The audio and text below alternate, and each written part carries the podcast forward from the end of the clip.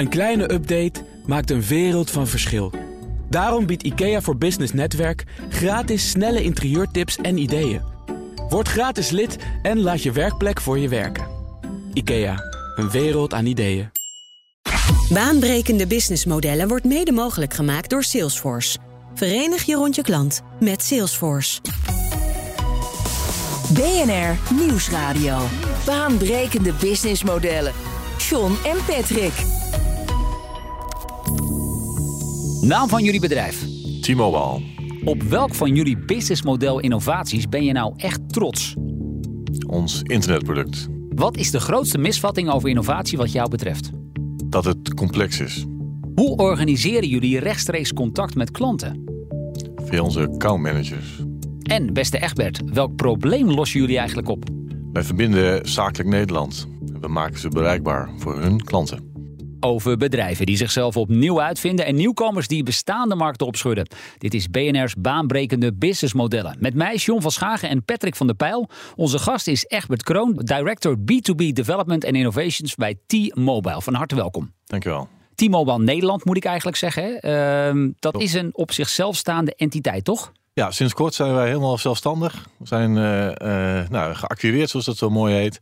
En daarmee hebben wij uh, goede investeerders gekregen... dat ons nou, heel veel mogelijkheden geeft om lekker door te groeien. Want ik had het idee dat er ook een connectie was met Duitsland. Dat klopt, we waren altijd onderdeel van Deutsche Telekom. Ja. Nou, T-Mobile is natuurlijk een internationaal bekend merk. dat merk hebben we gewoon, maar we zijn helemaal zelfstandig, mogen doen wat we willen.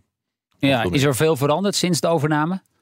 Uh, nieuwe vibe, nieuwe energie, uh, minder regels. Uh, we, hadden, we, waren vrij los al van Deutsche Telekom, maar we zijn nu nog veel meer. En, en, en nou ja, in acquisitieland en private equity heb je gewoon meer, dus nog meer druk om nog beter te presteren. En dat geeft heel veel positieve energie in de organisatie. Jij gedijt daar goed bij? Ik hou er wel van, ja. Ik hou wel van een challenge hier en daar en die krijgen we nu volop. Dus dat, ik, ik vind het heel gaaf om hier te zitten nu.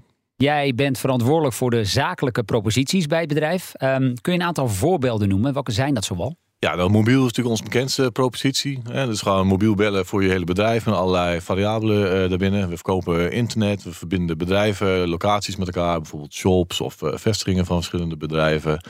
We hebben ja, ook cloud telefonie, zoals het zo mooi heet, zodat je ja, op je mobiel kunt bellen met je vaste nummer, allemaal dat soort gave dingen. Dat zijn eigenlijk echte communicatiediensten. En tegenwoordig hebben we ook IoT toegevoegd. Hè, dat je ook naast je locaties en je mensen ook je dingen kunt verbinden met ons netwerk. En hoe ver zijn jullie daarmee? Heb je al concrete cases, use cases? Ja, ja we hebben uh, smart boiler bij Eneco. We hebben parkeersensoren. Uh, we hebben smart sensors in cv-ketels. We hebben echt heel veel mooie klanten die het allemaal op hun eigen manier gebruiken. En een smart boiler moet ik denken aan? Nou, dat hij de temperatuur optimaliseert. Dat hij leert van wanneer de beste temperatuur is, wanneer jij daadwerkelijk heet water nodig hebt. Uh, en dat, uh, dat leert hij dan, uh, zodat hij nou, niet onnodig warm water verhit. Is wel lekker relevant geworden de afgelopen periode. Dat denk ik wel, ja. Dat denk ik wel. Patrick, wat Egbert hier in feite beschrijft, is wat we dan geloof ik noemen een businessmodellen portfolio. Ja, dus eigenlijk heb je een portefeuille van verschillende businessmodellen. Um, en die hebben eigenlijk allemaal een iets andere levensfase. Dus het kan zijn dat het heel erg jong model is, wat misschien nog in de kraamkamer staat. Daarnaast sommige die je echt wil uitmelken, zoals we altijd kennen vanuit de BCG-matrix, weet je, de cash cow. Ja. En daarnaast heb je ook um, modellen ja, waar je echt goed naar moet nadenken of die we niet keer opnieuw die levenscyclus door moeten. En ja, je ziet dat elk model heeft eigen karakteristieken, eigen uh, marge, misschien andere klantsegmenten. En we zien dat het voor met name de grote corporate bedrijven echt belangrijk is om ook uh, inzicht te krijgen in hoe ze zich onderling kunnen verhouden. Zodat je ook weet in je businessplanning waar ga ik nou uiteindelijk de groei opzetten. Ja, want als je te veel businessmodellen hebt die in feite richting hun houdbaarheidsdatum gaan, dan weet je dat je als de sodemieter aan het innoveren moet gaan. Laat ik zo zeggen, je ziet nu dat die levensduur van businessmodellen uh, soms korter en korter wordt. Dat betekent dat je daarop uh, moet kunnen ingrijpen. En eigenlijk als je dan uh, naar een soort ja, overzicht kijkt van je portefeuille, kun je ook zien van hé, welke gaan eruit schieten, waar heb ik nog gaten, waar ik iets in te vullen heb. Zo zagen dat bijvoorbeeld bij uh, Mars Chocolate in de US. Uh, die zeiden van hé, hey, wij hebben een funnel uh, dat nodig is om bijvoorbeeld alternatieven voor suikervrije producten neer te gaan zetten. En dan zeggen zij, hé, hey, dat zit voor in die portefeuille, in die levenscyclus. Nou, daar moeten we echt oplossingen voor gaan vinden die aan een bepaalde omzetverwachting kunnen gaan voldoen. En dat op tijd signaleren is de grote uitdaging. Ja, een onderdeel van je gehele Ja. portefeuille. En echt, maar dat betekent dus ook dat jullie continu moeten blijven sleutelen aan die proposities. Die, die VPN-verbindingen die jullie bieden, Ja. eh, dat was altijd een heel stabiel verdienmodel. Maar je ziet nu dat dat aan het verschuiven is. Ja, dus een VPN-verbinding is eigenlijk dat je twee of meerdere locaties met elkaar verbindt. Zodat je op kantoor veilig eh, kunt werken met je collega's op een ander kantoor of in Ja, een logistiek. ja eh, vooral heel veilig. Eh, Heel veilig, is heel Ja. belangrijk. Maar je ziet natuurlijk dat ja, vroeger hadden alle bedrijven hun eigen service op hun eigen locatie staan. En hadden ze eigenlijk geen variabele, flexibele locaties. Maar nu wel. Je hebt pop-up stores, je hebt bouwlocaties en alles zit in de cloud. Dat betekent eigenlijk dat het bedrijfsnetwerk ja, ook naar buiten moet. En dan kom je eigenlijk op het eh, enge internet eh, eh, terecht. En dat vinden veel bedrijven nog spannend. Dus we hebben ook gekeken, ja, dat VPN, hoe, hoe duurzaam is dat eigenlijk nog richting de toekomst? Wat is nou de opvolger daarvan in technologie? En ook waar bedrijven naartoe willen. Ja, dat noemen wij dan SD-WAN. Maar dat eigenlijk betekent dat we dezelfde technologie, of hetzelfde concept, problemen oplossen, maar dan softwarematig. Eh, maar dat brengt allerlei nieuwe dingen met zich mee. Eh, vroeger moesten we bijvoorbeeld de firewall wat on- eh, apart leveren. En nu is het zeg maar, allemaal zit erbij in. Nu kunnen we een bouwlocatie binnen een dag aansluiten. Terwijl het vroeger maanden, nou, het heeft maar weken duurde... voordat zo'n bouwlocatie veilig verbonden was met de rest. Ja, en dan ben ik heel benieuwd, hoe werkt dat dan in de praktijk? Want je hebt zo'n verdienmodellen, zo'n zo'n VPN-verbinding. Ja. En je ziet dat dat lekker loopt. En op een gegeven moment kijk je dan naar dat er steeds minder klanten zijn die zo'n eh, die zo'n oplossing willen. En wanneer ga je dan met, met je team samen zitten en zeggen: hé hey jongens, hier moeten we iets mee? Ja, dus niet- te vroeg en niet te laat. Hè. Dat is dan dus de magic bullet, dat Timing. je timing het juiste moment vindt. Dus je ziet het terug in. Wij, wij zijn best afhankelijk op dit segment van, eh, van tenders. En daar kom je vragen uit. Je ziet eigenlijk dat de intake terugloopt. Dus wij monitoren gewoon elke maand op onze intake. Eh, en je ziet als, het, als daar een decline in zit.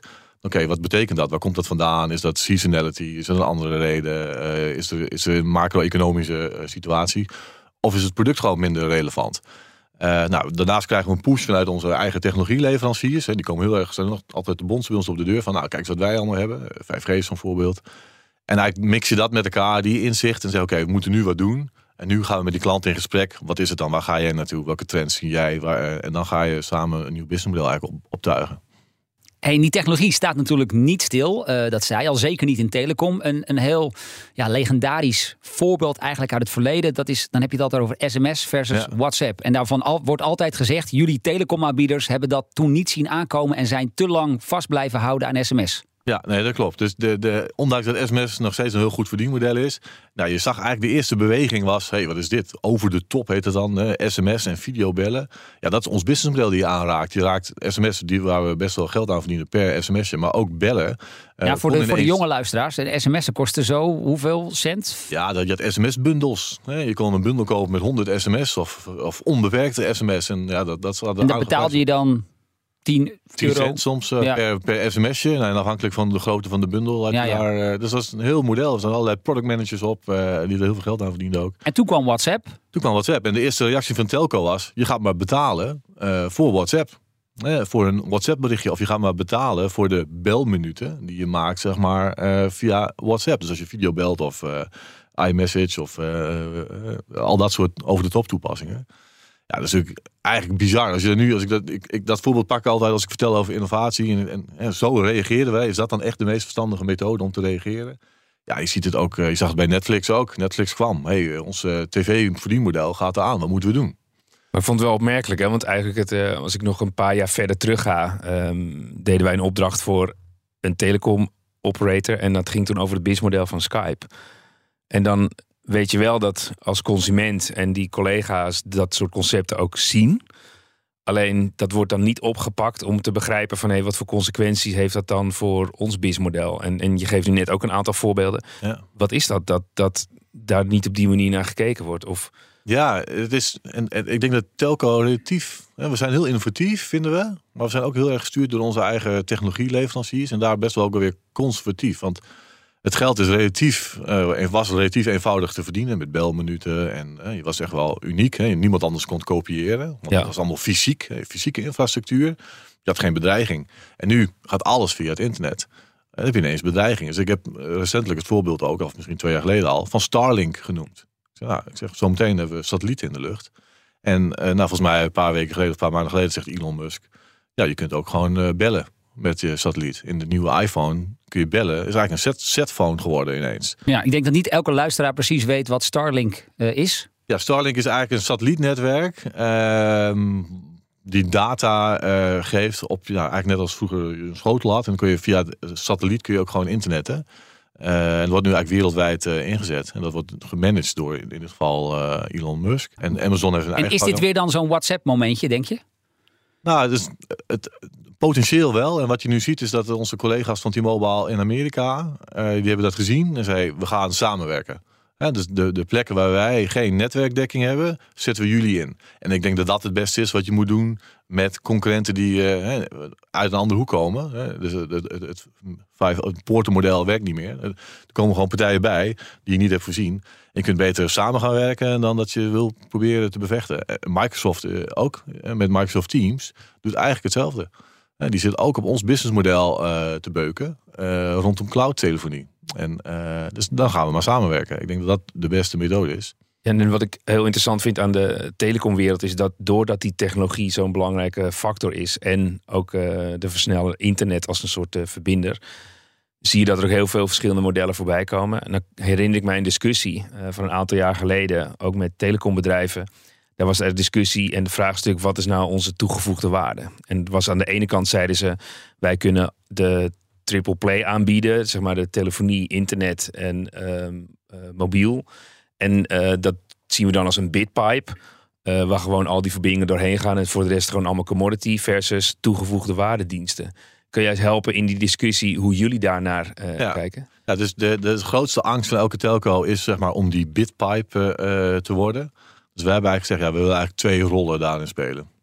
Als we de bitpipe zijn, want die rol hebben we ook naar onze ICT-partners toe willen we de beste bitpipe zijn. Dat betekent dat we waarde uit ons netwerk kunnen toevoegen aan de ontvanger van, uh, van die dienst. En dat gaat dan over quality of service met name, want dat is iets wat wij unieks kunnen aanbieden. Dus, dus bitpipe is dan die hele lange verbind, uh, communicatiesnelweg? Ja, die communicatiesnelweg, maar die dan echt uh, ge, geplaveid is, zeg maar. Hè, waar je garanties op hebt die, die uniek zijn. Hè. Dus dat je over het internet extra garanties hebt die andere partijen niet zouden kunnen bieden. Mm -hmm.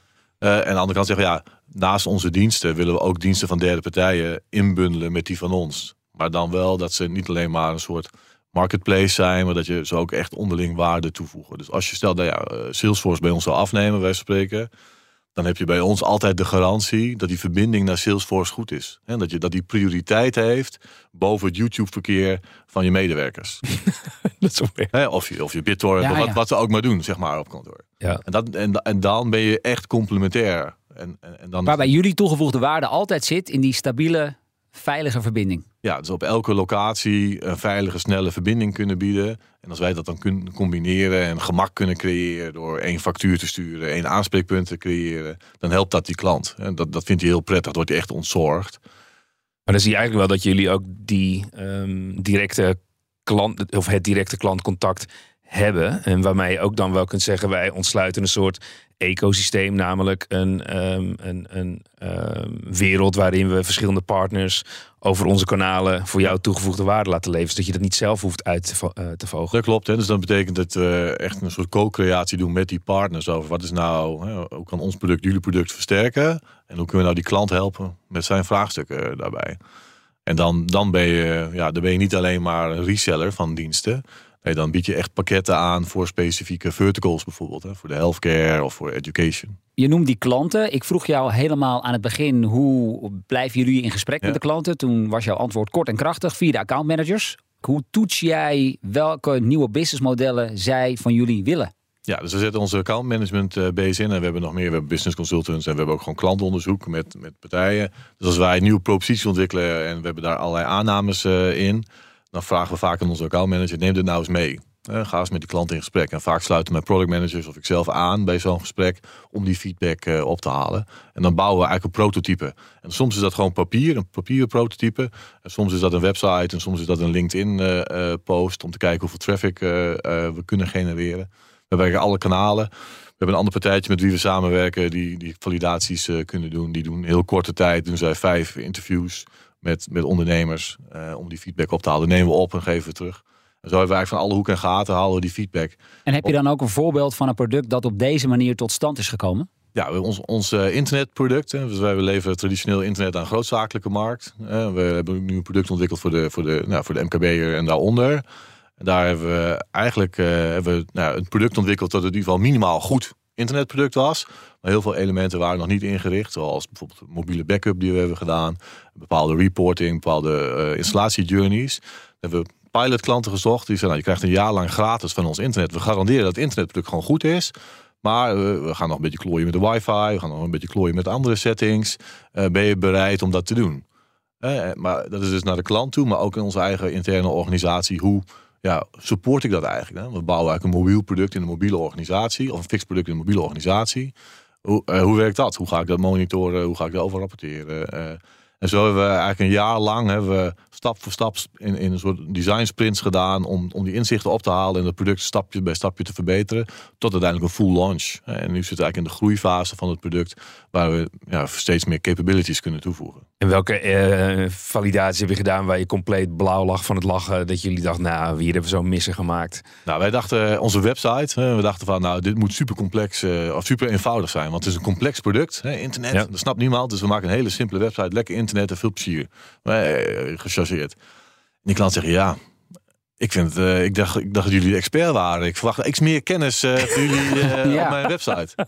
Dus dat gaf helemaal geen vertrouwen. Dat je het te simpel beschreef. Dat vond ik eigenlijk een heel mooi expliciet voorbeeld. van dat je echt een enorme aanname doet. Ja, van het moet altijd maar simpeler. Het moet ja, duidelijk. Het moet één ja. klik. Maar blijkbaar zit er toch heel veel... Ja, je moet toch wat meer kennis laten zien... om, ja, om vertrouwen te krijgen van je klant. BNR Nieuwsradio. Baanbrekende businessmodellen. Met deze keer het businessmodel van T-Mobile. En dan met name over de vraag hoe zij een innovatie hebben georganiseerd. We praten zometeen verder, maar eerst Patrick, een toch wel uh, opmerkelijk bericht deze week. GoSharing trekt zich terug uit 33 van de 45 steden in Nederland maar liefst. Ja, ik vond het echt helemaal niet opmerkelijk. En ik vond, nou, ik vond het wel lekker, want uiteindelijk we hebben ook hier in de uitzending uh, uh, die sharing concepten gehad. En er wordt er met zoveel enthousiasme en bravoure verteld um, dat we daar uh, op grote schaal gebruik van gaan maken. En het is natuurlijk aan het begin heel erg leuk uh, om dat te denken. En dan krijg je die business cases met al die uh, hockeysticks. Alleen wat je nu ziet met die stepjes 1, het is echt gevaarlijk. Dus um, daardoor is het, mag het ook niet. Um, overal. Je ziet nu ook dat op de scooters hier in Amsterdam moet je je helm opzetten. Nou, er is, is geen scooter meer te vinden. Dus mensen hebben er ook geen zin in. Dus het is gevaarlijk. Um, het andere punt is, uh, steden zijn ook tegen. Dus je zag in Amsterdam, uh, maar ook in andere grote steden, dat in de gemeenteraden werd gezegd van hé, hey, um, het, het, het levert heel veel vervuiling op, want die spullen liggen all over the place. Dus het is gewoon een troep. Nou, we hebben natuurlijk al fietsen en dan krijg je dat er nog eens bij. Wat ik ook wel opmerkelijk vond, is dat twee studenten onderzoek hadden gedaan uh, in opdracht van de Fietsersbond. En dat zijn Max de Heus en Lasse Lenski. En ze zeiden wat we heel gek vonden, is we gingen enthousiast met het onderzoek aan de, aan de slag. Uh, maar ons advies is, laat geen deelsteps toe in Nederland. Want? Nou, één is, um, uh, ze zeiden van um, de gemeenteraden zijn wel tegen, dus een stukje vervuiling. Maar ze zeiden, vervuiling komt ook uh, omdat het minder duurzaam is dan fietsen. Um, maar mensen zijn er ook gewoon minder zuinig op. Dus je ziet dat zo'n levensduur van zo'n product vele malen kleiner is. en dat ze overal door de hele stad rondslingeren. Dus die combinatie van veiligheid, dan zeg maar rondslingeren en uiteindelijk als niet duurzaam product zeiden ze, hey, dat moeten we eigenlijk niet doen. En wat ik nog helemaal interessant vond, is dat zij zeiden, die stepjes worden gebruikt vaak door toeristen die al niet veel gebruik maken van dat soort uh, vervoersmogelijkheden. Die gaan dus uh, één keer in de maand op zo'n, uh, en dan is de kans op ongelukken nog veel groter. Ja, waarvan akte dus. Wij praten verder hier in de studio met Egbert Kroon van T-Mobile. Het gaat in deze aflevering over innovatie en hoe je dat organiseert. En jullie hanteren daarvoor bij T-Mobile de termen aarde, maan en Mars. Ja. Nou, dat behoeft enige uitleg. Ja, dat klopt. Dus wij hadden, in de innovatietheorie heb je eigenlijk horizon 1, 2 en 3. En dat, uh, dat vonden we toch een beetje lastig met z'n allen. Ja, leg nog even uit. Horizon 1 is... Dichtbij. Hè? Ja. Ik ligt gewoon uit van aarde en maan en Mars. Want dan ja. hoef je een keer die horizon weer vergeten. Want die, dat, dat lukt mij ook nooit om ze echt te onthouden. Uh, laat staan mijn collega's. Dus aarde, zeggen dat zijn alle innovaties op je bestaande businessmodel, in bestaande processen verbeteren. Dus een, een kleine nieuwe feature toevoegen, een procesoptimalisatie, uh, dat je online kan bestellen in plaats van dat je telefonisch moet bellen. Dat zijn eigenlijk aarde-innovaties. En de meeste mensen in onze organisatie vinden dat eigenlijk heel prettig. Die, die, die bevinden zich op aarde. Maan-innovatie is eigenlijk verder echt nieuw businessmodel, een nieuw product, nieuwe klantgroep die je wil aanspreken, die je voorheen nog niet had. En voor ons is dat bijvoorbeeld ons internetproduct in de kleinzakelijke markt. We hadden een grootzakelijke markt, maar we hadden geen product voor een kleinzaak. Dus die hebben toegevoegd. Echt een maanproject. Veel meer validatie, veel meer onzekerheid. Uh, en ook, duurt ook langer voordat je naar de markt uh, bent. En Mars is eigenlijk nieuw businessmodel, nieuwe klantgroep. Eigenlijk iets wat voor ons uniek is uh, en nog niet in de markt bestaat. Bijvoorbeeld, we zijn nu bezig om een e-bike, om even in het thema te blijven, automatisch te kunnen laten afremmen. Als hij in de buurt komt van voetgangerszones. Nou, we weten niet precies wat daar uitkomt voor ons, maar we leren er heel veel van. En misschien komt daar wel een van de API uit uh, op positiebepaling.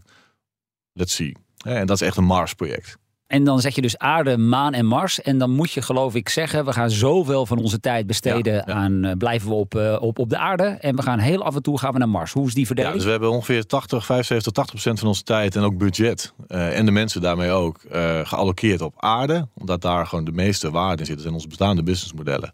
Het heeft ook de meeste zekerheid. 15 procent doen we op de maan en 5 procent op Mars. En jij bent zelf iemand die het liefst... Ik, ja, het liefst zit ik op de maan uh, een beetje naar Mars uh, ja. te turen. Maar ik ben ook verantwoordelijk voor alle aardeactiviteiten. En daar heb ik gelukkig een heel team voor die me daar heel goed bij helpt. Uh, en je hebt zo ook beide nodig. Zonder, zonder te weten waar de aarde is, ja, kun je niet van de maan naar de Mars. Het is wel uitzonderlijk dat um, Egbert dat hele stuk in scope heeft. Want?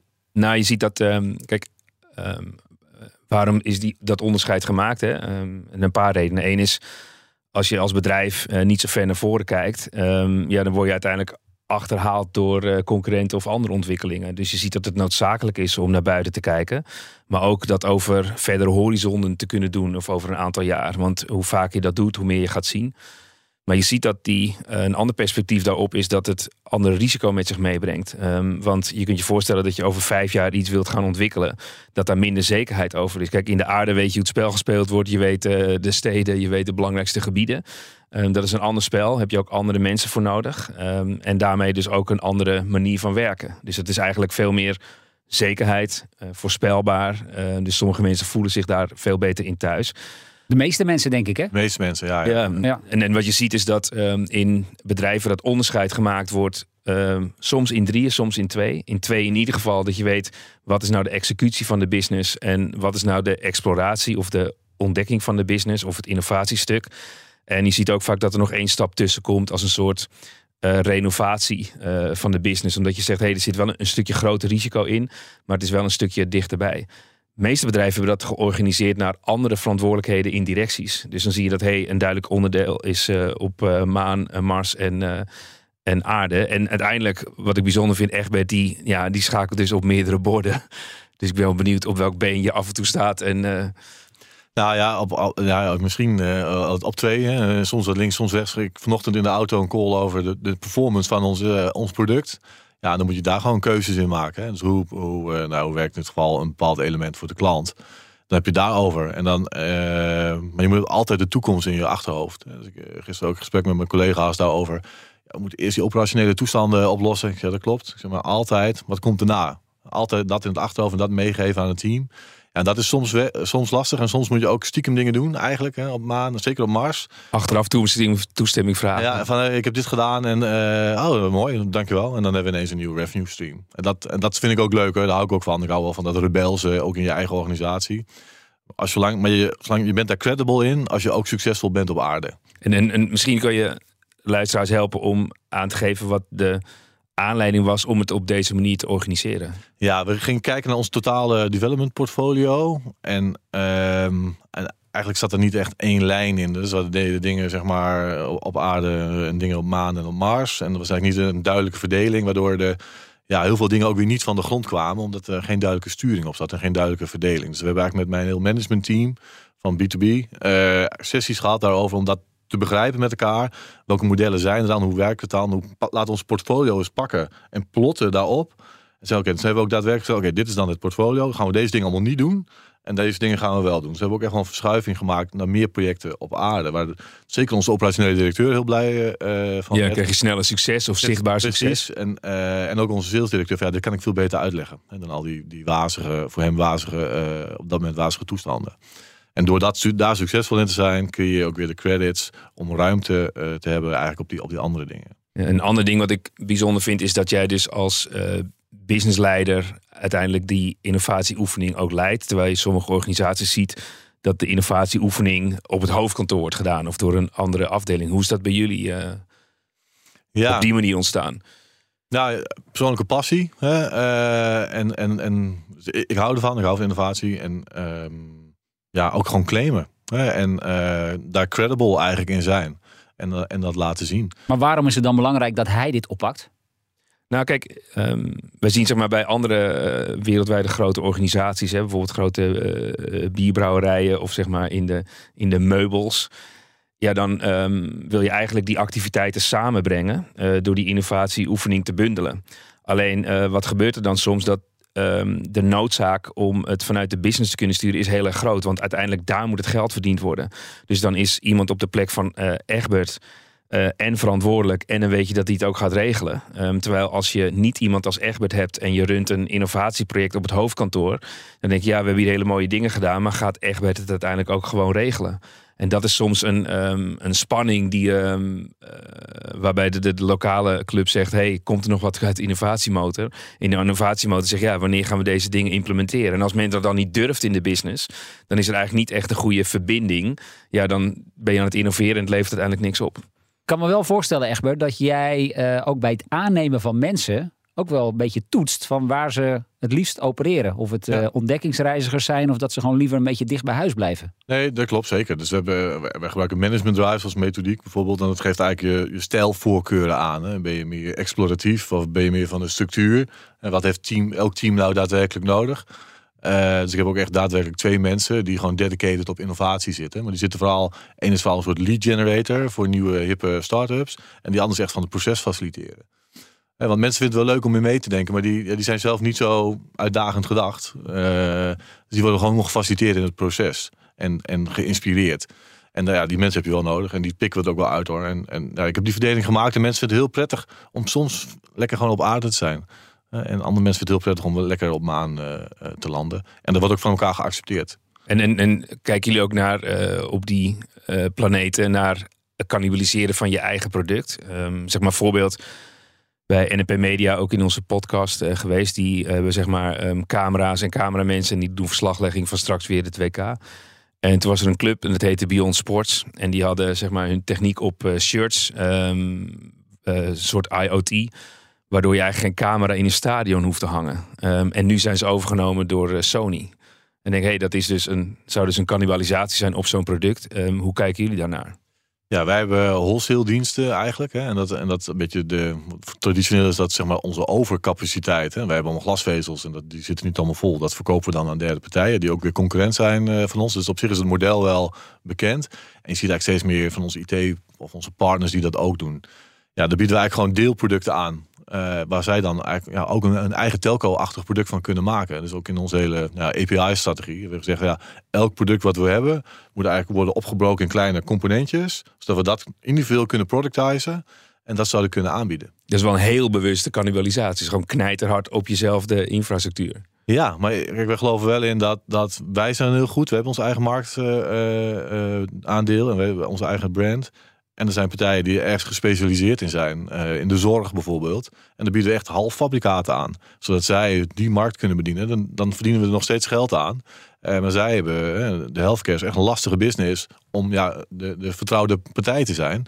Terwijl die partner van ons dat wel is. Ja, dan kunnen we alsnog, doen we liever wel mee. In plaats van dat we helemaal niet daar een rol in spelen. Een andere vraag nog. Als je um, uiteindelijk um, gaat opsplitsen waar je gaat kijken in termen van uh, ideeën naar uh, Mars, uh, naar maan. Hoe ga je uiteindelijk ook definiëren waar je gaat zoeken? Dus enerzijds je gaat in tijd zoeken en een stuk risico, maar bijvoorbeeld in de waardegebieden. want anders dan, je kan ook in amusementparken iets gaan doen of in de food. hoe nee, dat, dat, dat klopt. Hè. Dus de, het doet eigenlijk een analyse van ons huidige klantenportfolio. En dus waar zijn wij traditioneel goed in? Nou, wij zijn bijvoorbeeld best groot in de overheid, maar ook wel in de healthcare. Wat, welke trends ontdek je dan daar in die business? Hè? Dus dat is één vlak. En een ander vlak is welke technologie hebben we eigenlijk tot onze beschikking? Wat komt tot onze beschikking? En waar is die technologie nou super relevant? Nou, je, noemt uh, of amusement parks. Ja, er is blijkbaar een markt voor privé-netwerken in die amusement park, waar IoT een hele grote rol speelt. Dus dat is best wel een interessante markt. denk, ja, wat is dat dan? Nou, dan noemen we dat eigenlijk een venue. En dan als je een venue pakt, dan pak je, oh ja, het is eigenlijk een stadion, een, uh, een Ziggo Dome, uh, pretparken, festivalterreinen. En ineens heb je eigenlijk een nieuw segment ontdekt. Ja. Waar je, oké, dan kan ik een product maken die ik wel kan tunen op dat, op dat segment, maar het is wel een generiek product. Ja, en dat zijn dus eigenlijk dan potentiële waardegebieden die je dan met je team identificeert om dan met elkaar vast te stellen, willen we daar het spel in spelen? Ja, en dat doen we echt wel samen met onze strategieafdeling. Dan ben ik wel benieuwd hoe dat met die e-bikes tot stand is gekomen. Ja, dat komt eigenlijk vanuit de gemeente Amsterdam. Uh, en vanuit een Townmakers uh, Instituut heet dat. Die zien gewoon dat probleem met die fietsen, uh, die e-bikes die veel te hard rijden. En dat, ja, dat loopt ook wel deels via onze eigen persoonlijke netwerken. Dat betekent dat je gewoon beschikbaar moet zijn voor mensen om je te vinden. Dat je vertelt over innovatie, wat je netwerk allemaal kan. En dan komen, dus ik had net over die lead generator. Nou, dat is een van mijn medewerkers die gewoon heel veel staat te praten over wat wij allemaal kunnen. En dan ontstaan er relaties en connecties. En dan, uh, als je dan open bent om daar in te gaan en een klein beetje geld in te investeren, maar vooral kennis te investeren. Dat is eigenlijk wat we doen. We investeren kennis en we geven connectiviteit. En dan, ja, dan kun je inderdaad met een soort open innovatiemodel kun je dat soort dingen doen. En dan krijg je tractie. Die e-bike, dat zit nu nog in de productenpipeline. Dat is nog aan het in de onderzoekende fase. Welke concrete nieuwe producten kunnen we wel binnen nu en uh, ja, pak een beetje twee jaar verwachten? Ja, we hebben eigenlijk net twee productjes gelanceerd. Eentje is echt een soort extensie op onze aarde, maar wel heel super innovatief. En dat is op, op mobiel. Dat, we hebben best wat klanten die in de grensgebieden uh, wonen, Nederland, Duitsland. Nou, je, als je dat zelf bent, dan verlies je wel eens de dekking. Onder, je wordt allemaal gek van. Ja. En daar hebben wij een oplossing voor gevonden met een partner voor ons die binnen milliseconden over kan schakelen tussen netwerken. En nou, dat is voor de bereikbaarheid een enorme boost. En dat is ja, het belangrijkste eis van onze klanten, dat ze hun business kunnen blijven doen. Dus dat hebben we nu geïntroduceerd en daar is er heel veel vraag naar. En daar, dat, nou, door die capability ontstaan eigenlijk nog weer veel meer nieuwe businessmodellen over rondom roaming en nou, weet ik allemaal wat. Dus dat is eigenlijk de eerste. En de andere is, uh, zit eigenlijk op ja, data monetization is heel gevaarlijk. Uh, is heel, ligt altijd voor de hand hè, om dat te doen. We hebben heel veel data in ons netwerk, maar we willen, we kunnen, we willen daar eigenlijk heel weinig mee doen. Dus we hebben nu een model gelanceerd die eigenlijk checks doet met ons. Dus een heel klein voorbeeldje. Als je een online portal bent voor een casino of voor een platform, dan hebben die gebruikers en die gebruikers moeten zich aanmelden. Maar die partij weet eigenlijk niet of dat die gebruiker wel is wie die zegt dat die is. Dan doen ze een check bij ons en dan zeggen wij eigenlijk een ja of nee antwoord terug. Van is deze gebruiker en past dit bij de mobiele nummer? En dat is één check, maar we hebben ook een check kunnen doen op uh, iemand betaalt op een locatie met zijn digitale wallet. Is die man wel daadwerkelijk op die locatie? Yes or no? Uh, heeft hij in de afgelopen periode een SIM-swap uh, gehad en dat kan weer duiden op fraude. En zo kunnen we eigenlijk anonieme data gebruiken om dat toch geld aan te verdienen. En we krijgen per, per verzoek van, krijgen we een paar cent van zo'n partij die dat faciliteert. En dat is een hele, voor ons een veilige manier van ja, data omzetten uh, naar businessmodellen. Zonder dat wij allerlei gekke privacygevoelige dingetjes doen. En dan ja. als je kijkt naar, uh, als ik jou meeneem, zeg maar 15 jaar geleden. En uh, dan zag je eigenlijk dat die wereld was voorspelbaar. En denk je, nou, je dat draait dan een zakelijke business bij een, een, een telecom provider waar misschien innovatie heel excessief was of eigenlijk onbekend. Um, en nu ben je eigenlijk gewoon de businessman en dat innovatie is gewoon onderdeel van je portefeuille. Hoe heeft die evolutie bij T-Mobile zich uh, afgespeeld? Is dat Zien ze dat nu als core business? Of, of, uh... Ja, kijk, we hebben altijd uh, brandpositionering gehad om challenger uh, te zijn. Dus dat is een bewuste keuze al vooraf. Om te zeggen van, hé, hey, wij willen aan de voorgrond... Dus het zit ook in onze kernwaarden. en dan is de vraag, hoe ga je dat dan invullen? dus T-Mobile was de eerste met Unlimited in Nederland. de eerste iPhone gelanceerd. Dus we hebben echt wel de behoefte om vooraan te lopen in de markt. Nou, en om die behoefte in te vullen moet je innoveren. Want dan moet je dingen anders doen dan de rest doet. En daar hebben we de organisatie ook voor getuned. We zijn een relatief kleine, smalle organisatie. Uh, met hoog, hoog technologie gehaald en hoog kennis. Ja, en dat geeft wel de ruimte om dat te doen. Hè. We hebben jaren het beste netwerk gehad. Puur op basis omdat wij hele goede mensen hadden. Egbert Kroon van uh, T-Mobile. We hebben veel geleerd, uh, Patrick. Ja, absoluut. Dankjewel voor jouw komst naar de studio. Uh, aarde, maan en Mars, dat gaan we onthouden en doorvertellen. en tegen de luisteraars zeg ik, Patrick en ik zijn er natuurlijk volgende week weer. En wil je voor die tijd al meer luisteren? Nou, check dan zeker ook onze andere afleveringen die je vindt op vrijwel alle bekende podcastkanalen. Tot volgende week. Baanbrekende businessmodellen wordt mede mogelijk gemaakt door Salesforce. Verenig je rond je klant met Salesforce. Als ondernemer hoef je niet te besparen op je werkplek. Want IKEA voor Business Netwerk biedt korting op verschillende IKEA-producten. Word gratis lid en laat je werkplek voor je werken. IKEA, een wereld aan ideeën.